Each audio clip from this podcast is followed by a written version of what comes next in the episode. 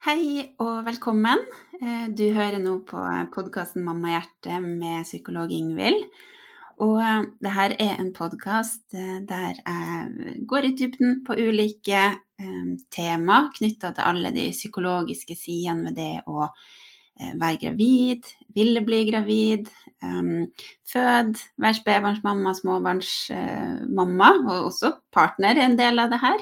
Og også kvinnehelse litt i andre sammenhenger. Og um, av og til har jeg gjester med, uh, og det har jeg i dag. Og hun skal, få, skal dere få hilse på ganske snart.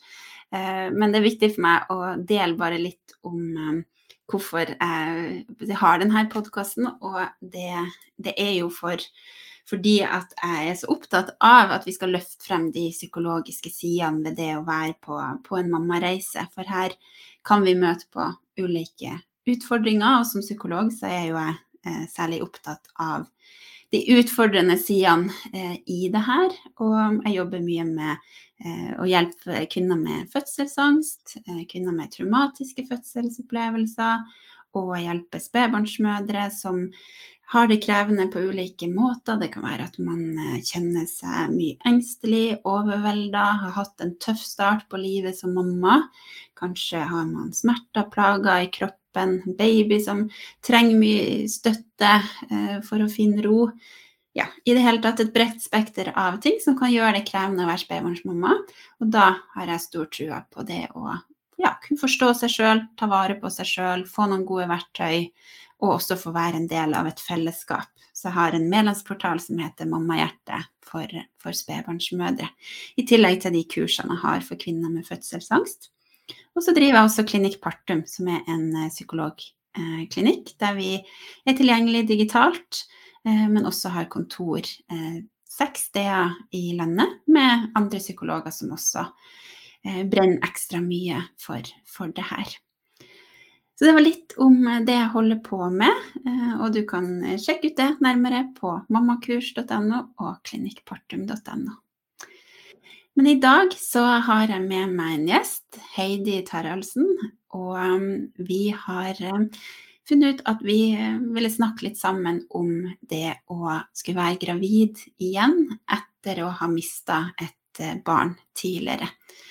Og Heidi har sjøl uh, opplevd det, og um, har også med seg mye erfaringer fra andre mødre, fedre, som har vært gjennom det. Og jeg ser veldig frem til å høre mer om det, for det her er et tema som, eh, som, det kanskje for mange kan være vanskelig å snakke om.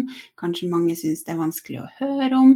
Men det er noe som eh, kvinner, par, opplever, og da er jeg opptatt av at vi må, må gi det plass. Så velkommen, Heidi. Veldig fint å ha deg her. Tusen takk. Kan ikke vi starte litt med at ja, du sier litt om deg sjøl og mm. det du og mannen din har uh, vært gjennom. Mm. Ja. Uh, mitt navn er da Heidi Taraldsen. Og jeg er 33 år og har født to barn. Og jeg er da gift med Petter, og vi bor i Søgne Kristiansand. Ja. Um, vi gifta oss i 2020. Eh, og bestemte oss for å bli gravid etter vi hadde gifta oss. Um, og var veldig glad og lykkelig da vi fant ut at vi var gravid med Timo. Mm. Um, graviditeten gikk veldig bra. Uh, jeg grua meg veldig til å føde. Det gjorde jeg. Jeg hadde veldig fødselsangst og måtte grine meg til å ha fysisk omvisning, f.eks. på sykehuset. Eh, det var jo da det var korona, så de fleste hadde jo den innkomstsamtalen på telefon. Mm. Um, men jeg grua meg skikkelig til å føde. Uh, noen dager før han ble født, så hadde jeg slått meg til ro med at OK, nå skal jeg føde, og det skal gå bra.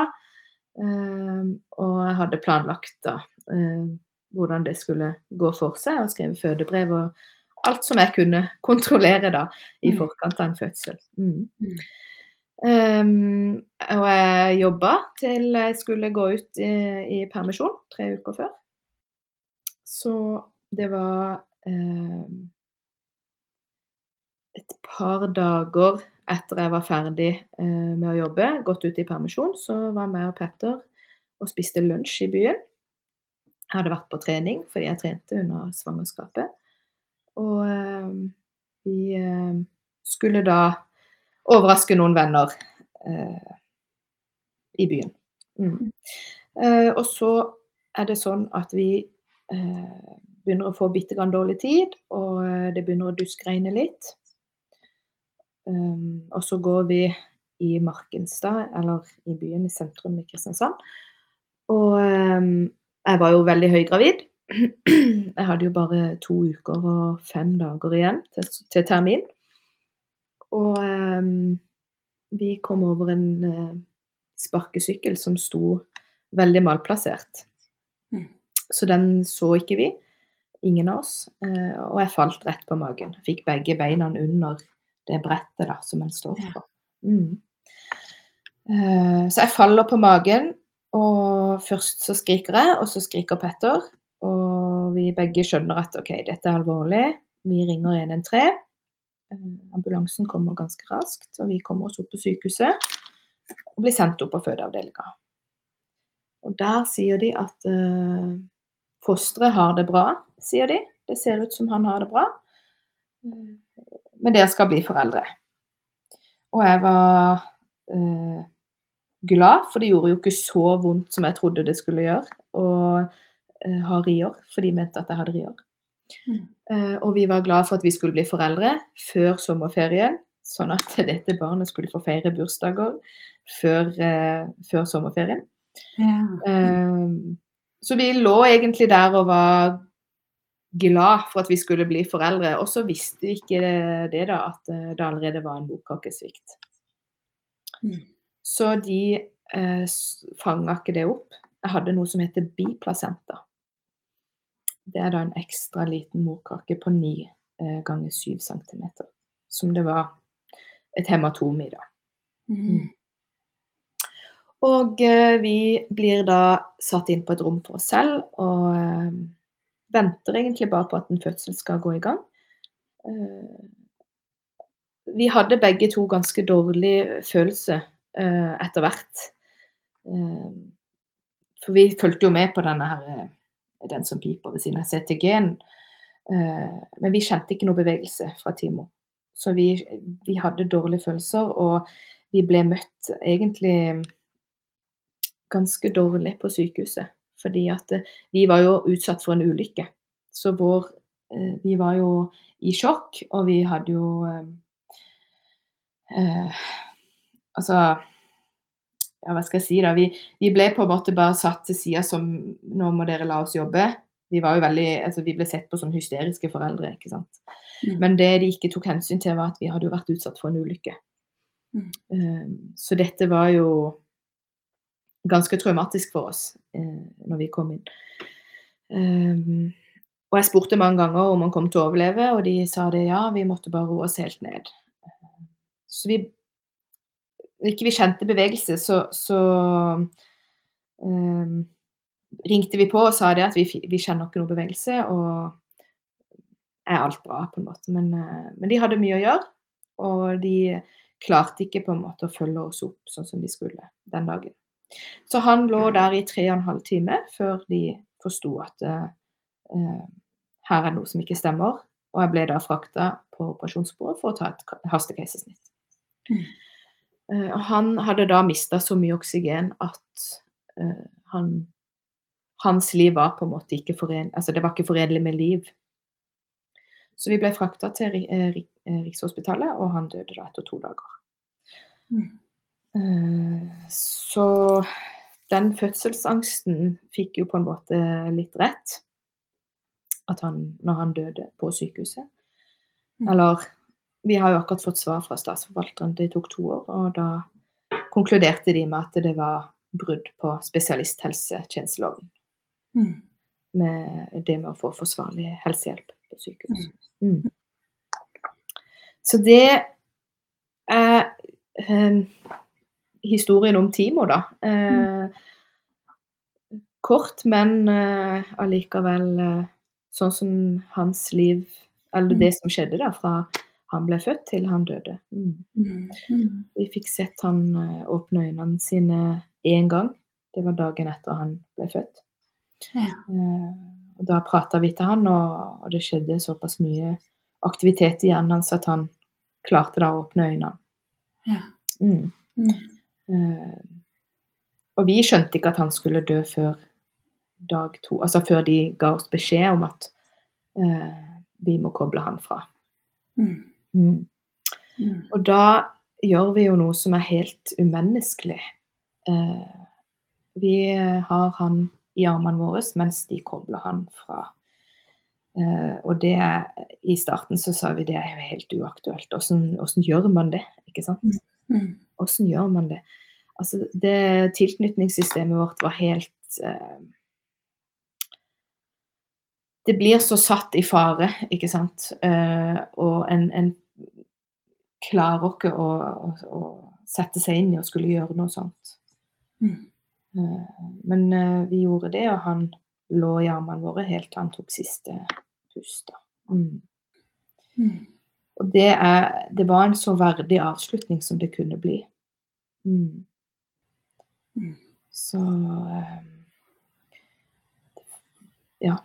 Mm. Mm. Det var rett og slett det som skjedde. Mm. Det var det som skjedde, og det er jo Jeg kjenner jo det er mye i det her som jeg ja, gjerne skulle snakka med deg om, men vi har jo blitt, blitt enige om at vi skal fokusere på det å, å være gravid. da, etter å ha hatt med seg, altså for din del, og ha opplevd det, at Timo kom til verden på den måten. Først ulykken, da, og så at han ble født Mm. gjennom det keisersnitt, og så de dagene Mm. på sykehus, og så at han dør to dager gammel. Mm. Og hvordan det var for deg å være gravid igjen og, og vente på et, et søsken til Timo. da.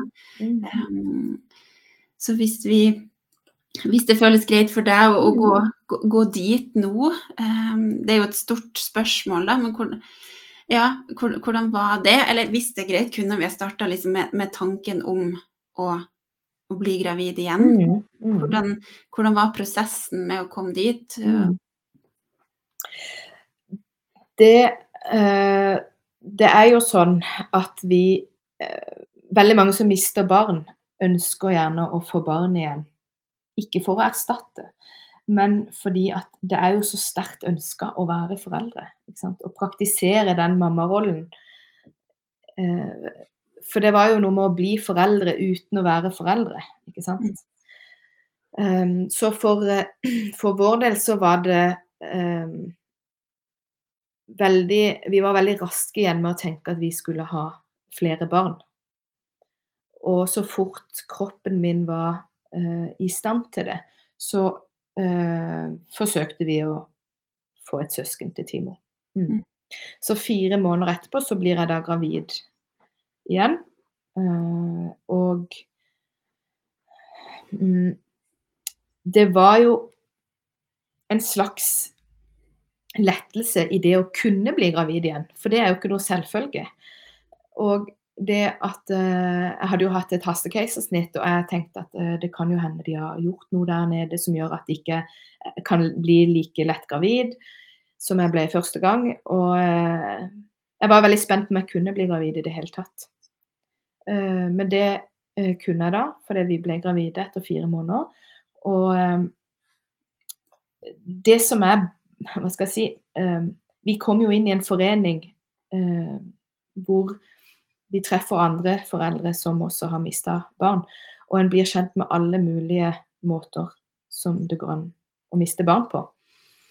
Så eh, selv om ikke Timo eh, hadde dødd i magen, så var jeg allikevel veldig redd for at han skulle dø Nei, eh, for at det nye barnet mitt skulle dø i magen. Mm. Så det var jo på en måte Først var det en lettelse med at jeg kunne bli gravid, men så var det jo de månedene etterpå hvor en Det er som å gå i et åpent traumesår, kaller jeg det. Fordi at du eh, har jo null kontroll på om barnet ditt kommer til å overleve. Du vet ikke om det kan dø av andre ting, for det, alle de innsiktene har du jo fått etter, den, etter å ha tatt del i en sånn forening med andre eh, foreldre som har mista det. Um, og for min del så, så var jeg ikke knytta til dette barnet før jeg kjente eh, først og fremst bevegelse. Eh, og det var veldig sånn Vi ville ikke vite skjønn. Eh, fordi at liksom, Hva hvis det ikke blir en gutt? Ikke sant? Hvordan vil jeg reagere på det? Og så var det jo egentlig ikke så viktig, for jeg ville bare at det skulle overleve. Så vi mm. visste ikke at barnet vårt skulle Det ble jo Una, en jente, mm. som kom etterpå. Um, men vi, uh, vi gikk gjennom de neste månedene skrekkslagen på hva, uh, hvordan kommer dette til å gå, på en måte. Mm. Um, og jeg husker um, etter det var gått en stund, uh, kanskje halve svangerskapet, så begynte også virkelig dette PTSD-symptomene å komme fram. Da. Jeg var veldig redd for å gå i trappa. For jeg kunne jo dette, jeg kunne jo, dette, jeg kunne jo falle, ikke sant. Og, um, så, så, det var jo egentlig Gjennom hele svangerskapet så var det sånne milepæl. ikke sant? OK, det var bevegelse, kjempebevegelse. Det var um, OK, nå er det levedyktig. Hvis det skulle skje noe, så er det levedyktig nå. ikke sant? Så nå kan det overleve hvis det skulle skjedd noe. Um, ja. Mm. Og parallelt med den graviditeten så hadde vi jo Så var vi jo fortsatt i en veldig dyp sorg over å ha mista Timo. Så vi mm. gikk jo i sorggrupper ikke sant, parallelt med å være gravid. Så det var Det er jo på en måte to sånne løp. Um, og du, du, skjønner egentlig ikke hvordan du overlever. Du bare gjør det. Mm. Men det er klart Jeg sier at jeg var så heldig at jeg ble gravid med Una igjen. Og det var jo det som fikk meg opp på morgenen.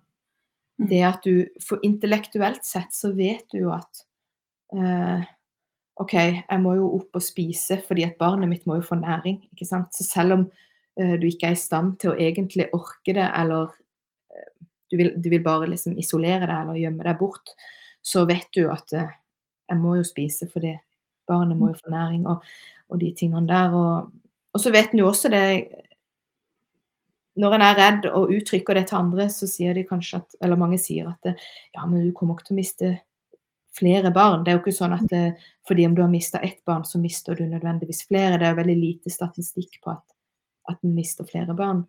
Så kan en vite det intellektuelt sett, men kroppen husker jo, ikke sant. Kroppen vet jo. Um, så det var jo masse katastrofetanker under hele svangerskapet med Una. Mm. Mm. Og jeg husker jeg fikk beskjed om at jeg måtte jo glede meg. Eh, du må jo finne noe glede i hverdagen. Mm. Og det er jo ikke så lett eh, når det er sorgen som ligger så øverst, da. Mm. Mm. Og så er det jo heldigvis ikke noe sammenheng i at eh, selv om man er i så stor sorg, så vil en jo vil ikke det påvirke hvordan du praktiserer mammarollen din når mm. den uh, babyen blir født. Mm. Jeg var jo sikker på at Una skulle komme ut som en mørk sky, ikke sant. Fordi jeg det hadde vært så eh, i sorg, da. Og du hørte sånne skrekk... eh, folk som sa at ja, men hvis du, er, hvis du, har det sånn, så vil det påvirke babyen din og de tingene der. ikke sant? Og det, det stemmer jo ikke. Det stemmer jo ikke. Det er jo ikke sånn at fordi man er uh, mye lei seg, så vil jo ikke det nødvendigvis gå utover babyen i magen. Mm. Um, ja.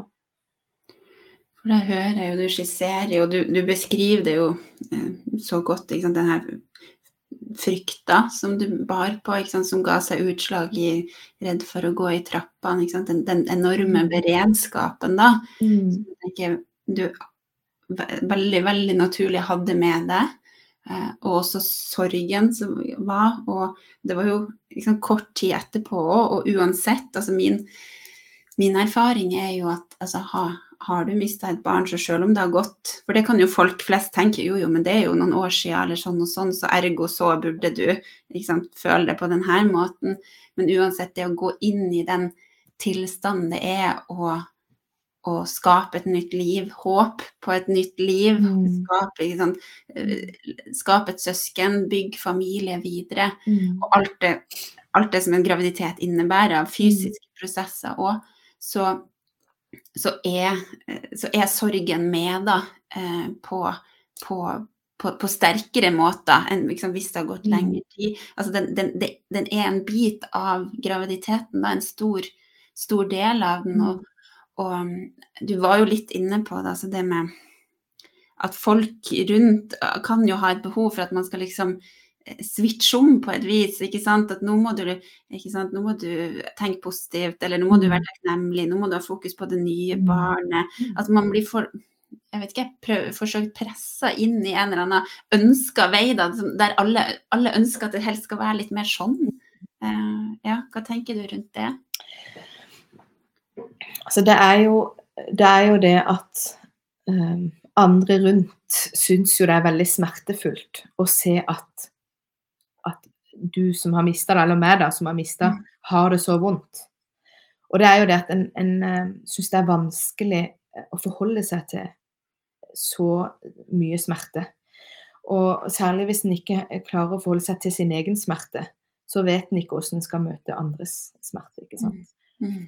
Eh, og det blir en slags sånn åh, ja, En holder nesten litt pusten fram til en blir gravid igjen. Ikke sant? Og liksom sånn åh, ja, flaks, du kunne bli gravid igjen, og det var bra. Ja, nå skal dere få barn, og ikke sant. Og mange som blir gravide igjen, de eh, Og jeg sier mange fordi at jeg har snakka med veldig mange mødre som, og par som, som har blitt gravide igjen. Og de går med en sånn rets, Det er liksom redsel for at barnet skal dø, parallelt med redsel for at det barnet de har mista, skal bli glemt. Mm. Ikke sant? Um, og det Det er jo det siste en vil. Uh, for en vil gjerne at det barnet som en har mista, skal bli huska på. Mm. Uh, det er sjelden en møter noen som ikke vil snakke om det døde barnet. Mm. Ofte så er det fordi at uh, sorgen kanskje ikke er helt integrert, uh, traume fortsatt ikke jobba gjennom, ikke sant. Og de fleste ønsker at det døde barnet skal inkluderes. Mm. På julaften, Mm. eh, huske på når det har bursdag eller fødselsdag. Altså de Mm. tingene der, da. Mm. Mm. Og andre Eller vi er jo lært opp litt at vi skal fikse. Mm. Så vi skal fikse når den andre har det vondt. Vi skal trøste og vi skal fikse. Um, det, er, det er litt sånn utgått. Vi Mm. må tenke at vi må være der. Vi må bare støtte og være der Mm. um, sammen med de som har det vondt. Det Mm. er jo det som eh, er virksomt, da. Mm. Mm. Og hvis en skal drive og fikse og, og sånn som du sier, tenke positivt og um, pushe på de gode følelsene, så, så er jo ikke det noe en bare kan trylle inn. De følelsene en går med, er jo noe en har. Og det er gyldige for den personen Mm. som har de. Mm. Sant. Og jeg tenker jo det her å legge forventninger da, på andres følelser, Mm. f.eks. som det å være gravid etter å ha mista et barn før det, Mm. det jeg tenker at det gjør, verre, gjør det verre å hente frem de gode følelsene da. Altså, jeg, jeg tror jo på at gir vi plass til alt det såre, vanskelige, smerten, så Mm. skaper vi også plass til, til det som er godt og fint. Da. Det føles kanskje ikke alltid sånn ut, men den, den, den, det å åpne opp, da, har, jeg, har jeg mer trua på. Men det, Mm. det er skummelt og ubehagelig, da. Tenke på venner, familie, fagpersoner, helsepersonell. Mm. Eh, Så man ja, kan vel fort ønske, ikke sant, Og Mm. Ja, fikse, som du sier, men også liksom sånn prøve å vri, ikke sant. Jo, jo, men tenk på ikke sant, statistikken her, eller Ja. tenk på at Det jo, det her går nok, går nok Mm. bra, da. Og så blir det jo ensomt, da, kan jeg se for meg, å være Mm. den som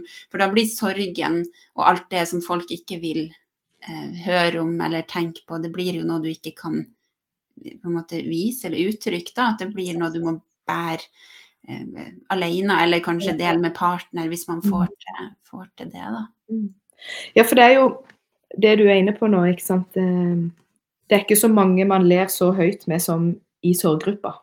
Mm. Sant? Som man deltar i. For det er akkurat det du sier. For der kan man jo, ikke sant. Der deler man jo eh, de forbudte tankene, som vi kaller det. ikke sant. Der kan vi dele alt som vi tenker på eh, som er knytta til det døde barnet og ny graviditet. Eh, Mm.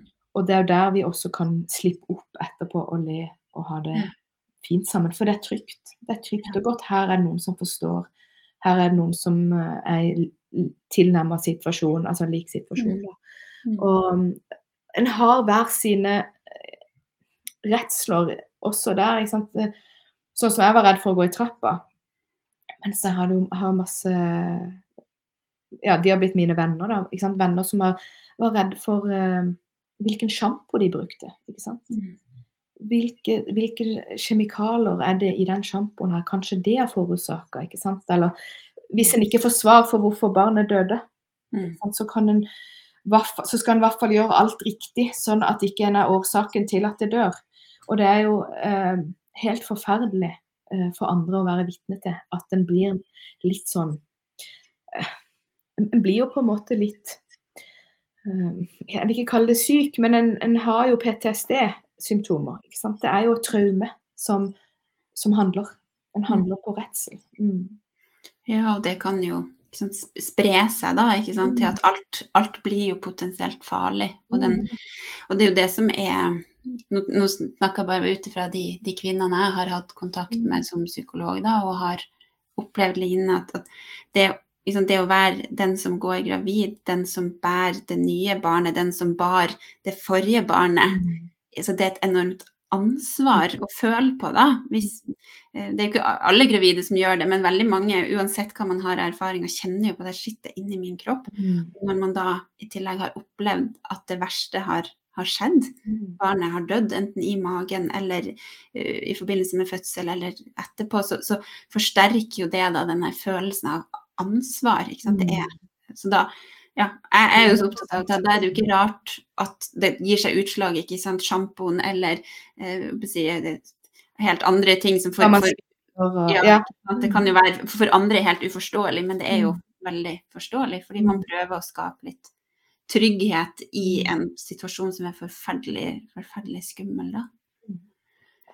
Ja, du, en litt, ikke annen ting, men relatert ting som jeg tenkte Altså når man opplever å miste et, et, et nyfødt barn, Mm. så, sant, så skjer jo det da ofte på, på sykehuset, og i, der er det jo sant, ulike situasjoner og scenarioer, men, men man kan jo oppleve at eh, barnet sitt dør uten at det egentlig er så veldig mange andre som har fått møtt barnet. Mm. Det er eh, mange som ikke har blitt kjent med det, fordi at det lever bare i noen dager.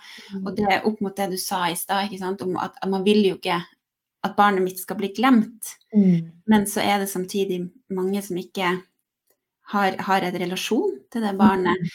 Og, men eller som har kanskje ikke klart å, å gjøre det hvis de har hatt muligheten, da, hvis det har vært et barn som har levd i en periode, eller de har ikke kommet på sykehuset, eller ja, tatt aktivt del i den fasen der. Um, ja, jeg bare fikk lyst til å høre med deg litt om hva du tenker om det, om erfaringer du har hørt fra andre rundt akkurat det. Mm. Um, det er noe i- det du sier der, Eh, relasjon og tilknytning, ikke sant. Eh, hos oss var det kun meg og Petter som traff Timo i live. Mm. Vi var i en sånn boble at eh, her eh, må vi bare få eh, kontroll på situasjonen, og han må bare overleve, og så skal vi ta med han hjem, og så kan alle treffe han, ikke sant. Eh, der var vi. Og ting skjedde jo veldig fort, og eh, for oss så ble det bare Nei, vi må bare gjøre det som er best for oss her og nå. Så vi tok de beslutningene um, som vi evna der og da, rett og slett. I ettertid så kan en si ja, vi skulle gjort ditt og vi skulle gjort datt. Uh, men det hjelper ikke å gå og kjenne og, og, og tenke på de tingene der. Så vi har rett og slett bare slått oss til ro om at det var sånn vi valgte å gjøre det der og da. Og sånn er det. Um, mange opplevde under korona at en ikke fikk En måtte gå alene inn, ikke sant. Og hvor partner ikke fikk være med, f.eks. når de fikk beskjed om at det ikke var hjertelyd. eh, Mm. Hvis det barnet skulle dø eller døde i magen. Mm. Og det er jo helt forferdelig å stå alene i en sånn situasjon. Og jeg vet også om partner som aldri har møtt barnet sitt fordi at det var korona. Mm. Eh, og det òg kjenner jeg det var helt grusomt. Mm. Um, Mm. og um, vi er inne på dette med at når barn dør uh, så små, altså i magen eller like etter fødsel, så, så er det veldig tabubelagt fordi at det er vanskelig å snakke om, nettopp fordi det du er inne på med relasjon og tilknytning. Um, hvis du har noen som dør litt eldre, så har som regel flere en relasjon til det barnet eller voksne. Mm. Eller? Og det er lettere å dra fra minner, ikke sant. Det er lettere å ha ikke sant, noen har kanskje tegnet en tegning som ligger framme. Altså sånn, det er mye mer spor også etter det barnet som levde lenge, eller en voksen. da. Så en opplever kanskje at spedbarnsdød er uh, tabu. Mm. Fordi det rett og slett ikke er så mange som kjente det. Mm. Og da er det kanskje også, som du sier, altså dette med å, å glemme det. At det, en kanskje ikke glemmer det bevisst, men at det blir litt sånn sånn En har jo ikke hatt et forhold til det, så hvordan skal en gå og huske på det? Mm. Mm. Mm. Um, men det er jo noe med Når et lite barn dør, så er det, det er ikke bare altså Hvis det dør samme dag som du ble født, eller hvis det er død fødsel, eller hvis det er dødt like etter fødsel, så, så er det ikke bare eh, en bursdag en husker på som en- enhver annen sin bursdag, men det er jo faktisk den dagen hvor hele livet ble snudd på hodet. Mm. Sant? En mista helt fotfeste. Mm. Sånn at um, det å anerkjenne de som har mista det barnet, er utrolig viktig. For det er en sånn livskrise eh, Mm. som er, preger livet så enormt. Mm. Mm. Ja, og så tenker jeg på det å liksom sette seg inn i det å være venn, besteforelder, tante, onkel Um, Altså det å, å huske på også at eh, Jeg har jo møtt foreldre som har mista et barn, og som um, liksom, En ting er å få, få eh, at det skal være plass til sorgen og alt det vonde, det, det livsomveltende, forferdelige, smertefulle, men også at man kan være Altså man kan være stolt over det lille barnet man har laga, Mm. og lyst til å også kunne få snakke om hvor fin babyen var, og Mm. også kunne ja, få, få lov å feire, på en måte, eller ja, gi noe Mm. plass til det gode, da. For, Mm. for det, det kan jo være sammensatt, ikke sant. Man Mm. kan jo tenke at jeg har laga verdens fineste lille menneske også, som man har lyst til å vise, vise frem, på en måte, eller vise bilder, eller ja, alt det fine, da. Mm.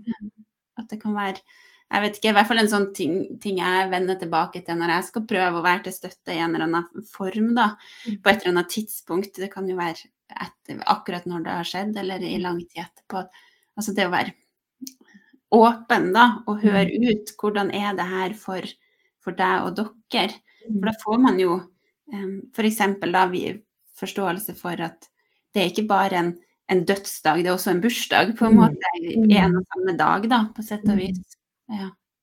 Ja, en, en ehm, Etter hvert så vil Altså de markeringene og Altså bursdag eller dødsdag eller de som du snakker om, det, det er jo viktig å markere på et vis. Eh, Noen vil si feire, noen vil si markere, eh, gjøre noe godt for en selv eh, Mm. på de dagene. Um, Mm. Det er kjempeviktig. Og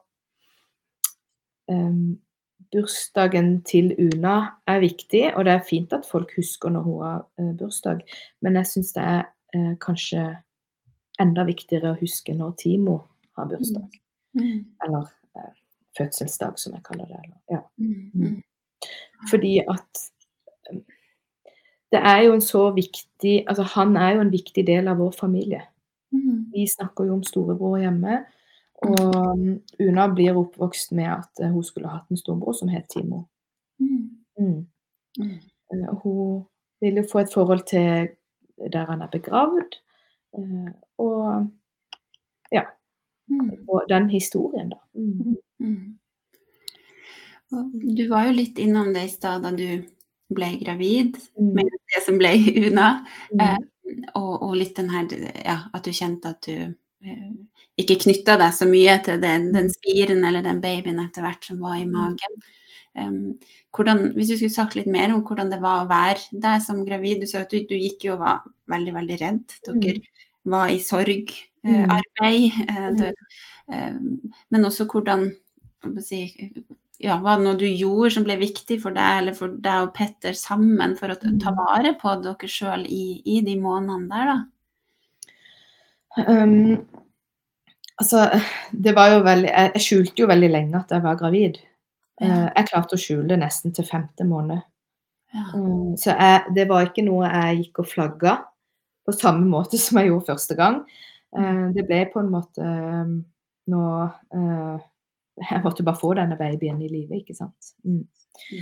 Um, og vi ble jo enige altså ganske tidlig at vi skulle gjøre noe som var bra um, for oss.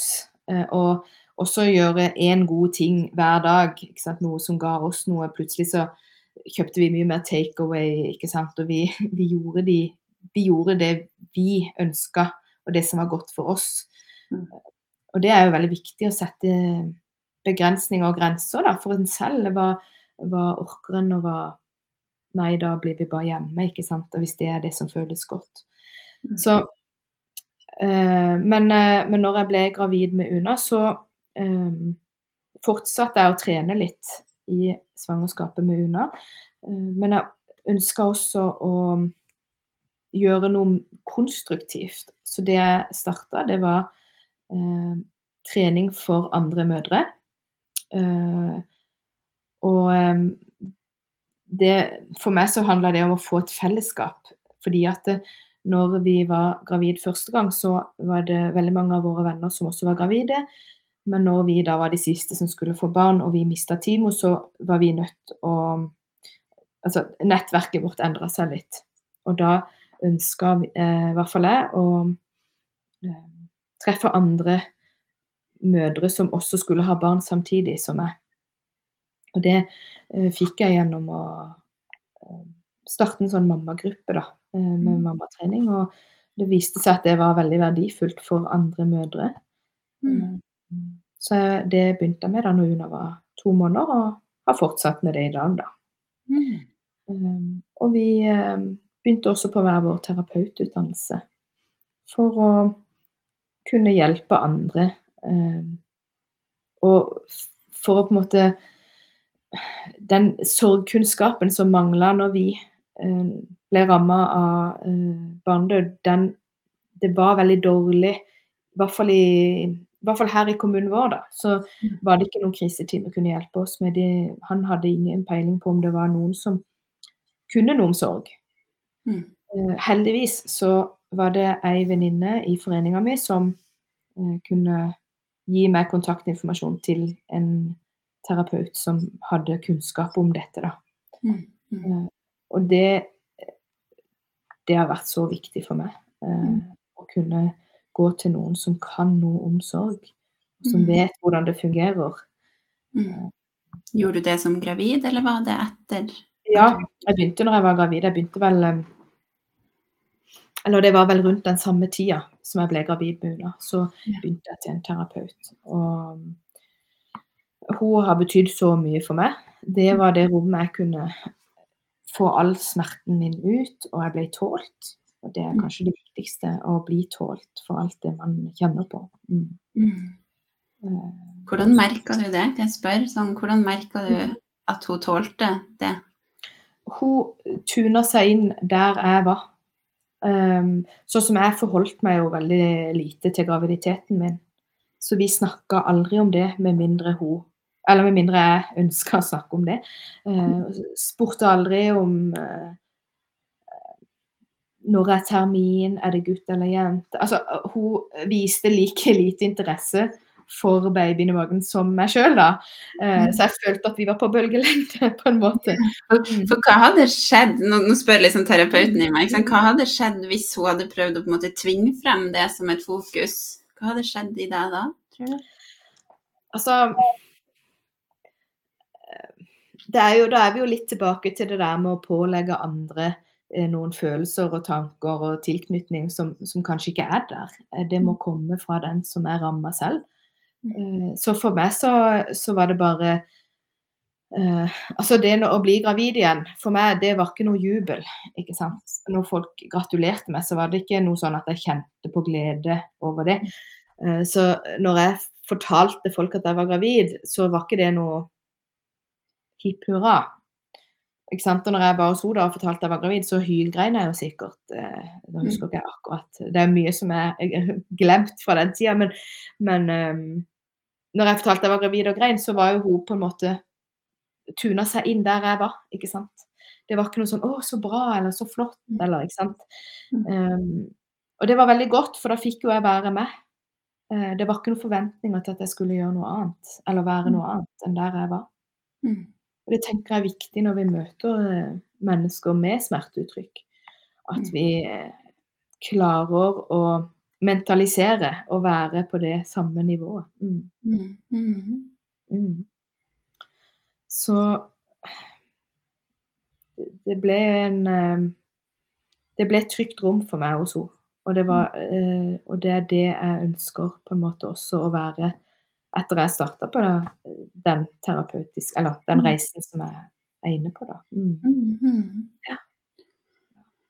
Og sånn, hvor du, du har beskrevet litt om hvordan du ja, støtta deg sjøl, dere støtta hverandre, gjør ting som var godt. Trening, fellesskap. Mm. Um, og at du hadde en terapeut som du kunne gå til. Sånn, hva med altså sånn, eh, oppfølging, tenker jeg, fra mer sånn det standard helse, si, helsevesen og hjelpeapparatet som gravid, så er det jo ikke sant, det er jordmor, fastlege, det er kanskje sykehus, ultralyd. Mm. Um, hvordan opplevde du um, ja, den typen hjelp, støtte? Hva skulle du ønska noe mer annerledes? Mm. Um, det er Altså, når man har mista et barn, da, så får en gjerne eh, mer oppfølging andre gang man er gravid da, enn først. Altså sånn. Eh, første så er det jo bare de der standard ultralydene. Eh, men andre gang når en er veldig redd eh, for å miste barn, så får en som regel den oppfølginga en ønsker. Noen må be om det litt ekstra, og, noen bare får det automatisk, er min erfaring da, fra og hørt fra andre. For vår del, eller for min del, så var det mest um, Så lenge jeg kjente bevegelse, så var jeg på en måte trygg på at det var greit. Um, men så var det jo f.eks. en gang jeg sklei på grusen, eller uh, det var en annen gang hvor jeg mange ganger prøvde å få bevegelse, hvor en ikke liksom klarte det helt. Eh, Så opplevde jo jeg også at når en liksom ikke kjente altså Hvis det var noe fysisk, så gikk det gjerne veldig lett syk, opp til psykiske. da, At liksom OK, nå er babyen død, eller nå holder han på å dø, jeg må uh, få, få en sjekk. Så det var et par Vi var vel to ganger Det var når det nærma seg veldig fødsel, da, hvor vi ringte til helseapparatet og så fikk en ekstra time, da. Mm. Vi vet at veldig mange går i har oppfølging annenhver uke. Kanskje når det nærmer seg, så har de hver uke hvor de går og får en ekstra sjekk. Mm. Det er bare for å roe ned systemet ikke sant? Og, og bare få bekreftet at OK, alt er greit. Alt er greit. Mm. Um, og eh, jeg kjenner flere som uh, har overnatta på sykehuset når det nærmer seg termin, ikke sant? fordi de var så redde for at babyen skulle dø. Mm. Så en får gjerne bedre oppfølging, er min opplevelse, hvis en ber om det etter en har mista barn, for da, da er en veldig redd. Mm. Så for vår del så, så var det eh, Vi fikk den oppfølg, eh, oppfølginga vi ønska. Mm. Ja. Ja, Mm. si. Vi forholdt oss vel å merke til et annet sykehus når vi skulle føde Ja. unna. Mm. Så vi Ja. hadde et sykehus i Oslo som vi forholdt oss til eh, med unna. Mm. Ja, nettopp. Mm. Mm. Ja. Men så fint, fint å høre, da, at altså de, din erfaring, deres erfaring og det du vet fra kontakten din med andre, at, at, mange, at, at det ikke sitter så langt inne å få ekstra Mm. helse, helseoppfølging, da, sånn at man kan få roa litt ned den Mm. beredskapen og frykta som man naturlig nok har mye av, da. Mm. Ja. Nei, men Heidi, vi har jo vært innom mye i det her. Mm. Er det noe er det noe du tenker på som vi ikke har vært innom når det gjelder det å, å være gravid med et nytt barn? Um, det, vi var jo inne på at den går litt sånn to løp, ikke sant? med sorgen på den ene sida og ny graviditet på den andre. Mm. Um, jeg tenker at um, veldig mange får nettverket sitt endra uh, etter å ha mista barn. Når en er gravid på nytt, og samtidig har det parallelle med den sorgen som er så, så sterk, da, så tenker jeg at eh, mange får et sånn behov for å sette grenser for seg selv. At eh, en eh, Mange blir gode på det, å sette grenser, eller kjenner mer hva som er riktig for en selv og ikke. Um, og det å bli pusha til noe som en ikke ønsker. Jeg tror veldig mange blir gode på å faktisk kjenne etter sin kapasitet når en er gravid på nytt, kanskje mer enn de gjorde tidligere. da. Det er viktig bare å ta det så på alvor. Um, dette med å Hvis en blir invitert på noe, så kan en si at nei, jeg har ikke kapasitet til det. Tusen takk for invitasjonen. ikke sant? Og at en eh, ikke er så streng med seg selv når en ikke orker ting, eller ting som en orka før. For det er jo liksom du, Man er jo ikke bare gravid, på en måte. Man er også i en veldig dyp sorg over å ha mista uh, et barn. Uh, og en går med mange tanker når en er gravid på nytt, for en er redd for at det andre skal bli erstatta. Vi har vært litt inne på det. Eller en er de, Det kommer noen nye sorgfølelser. Uh, det man går glipp av med det barnet en får, eller en har mista når en får det nye barnet. Og, mm. Det er veldig mye som skal prosesseres. Så en, det å kjenne sine egne begrensninger og gjøre det som er bra for en selv, er så viktig da, når en uh, har mista barn og mm, er gravid på nytt. Ja. Ja, og, og et, altså, min erfaring er jo at altså, det å være gravid kan jo være fysisk og mentalt mm. krevende i seg sjøl, men hvis man parallelt sant, har masse følelser som er i sving, masse prosessering, som du sier, så, så er det noe med å ja, passe på seg sjøl og hva man mm. har å rutte med av, av krefter. da, og og kanskje får man litt mer sånn klarere syn, som du beskriver, at det blir mm. lettere faktisk å ta vare på det. Men at man i hvert fall husker på at det er, det er krevende arbeid da, for mm. kropp og sinn, og, mm. og, som du vet alt om, ikke sant, å bære på sorg. Og når det flettes inn i en sånn eksistensiell og psykologisk prosess det er å være gravid, da, så er det ganske det store, store prosesser å være i. Mm. Det å ta seg selv på alvor og og triggerne sine. For en er jo gjerne mye i triggere. Og mm. til og med når man er gravid altså Når man er gravid igjen, så kan en være trigga over andre gravide, ikke sant? Eller mm. andre lykkelige familier, eller mm. bare det å se en barnevogn. ikke sant? Altså, Å ta det på alvor og tenke at det er, noe, det er helt normalt på en måte å ha det. Ja, man ikke er slem eller urimelig eller noe, noe sånt. Det er jo helt naturlig, egentlig. Mm. Skjerme seg fra sosiale medier og ja. Mm. ja. Mm.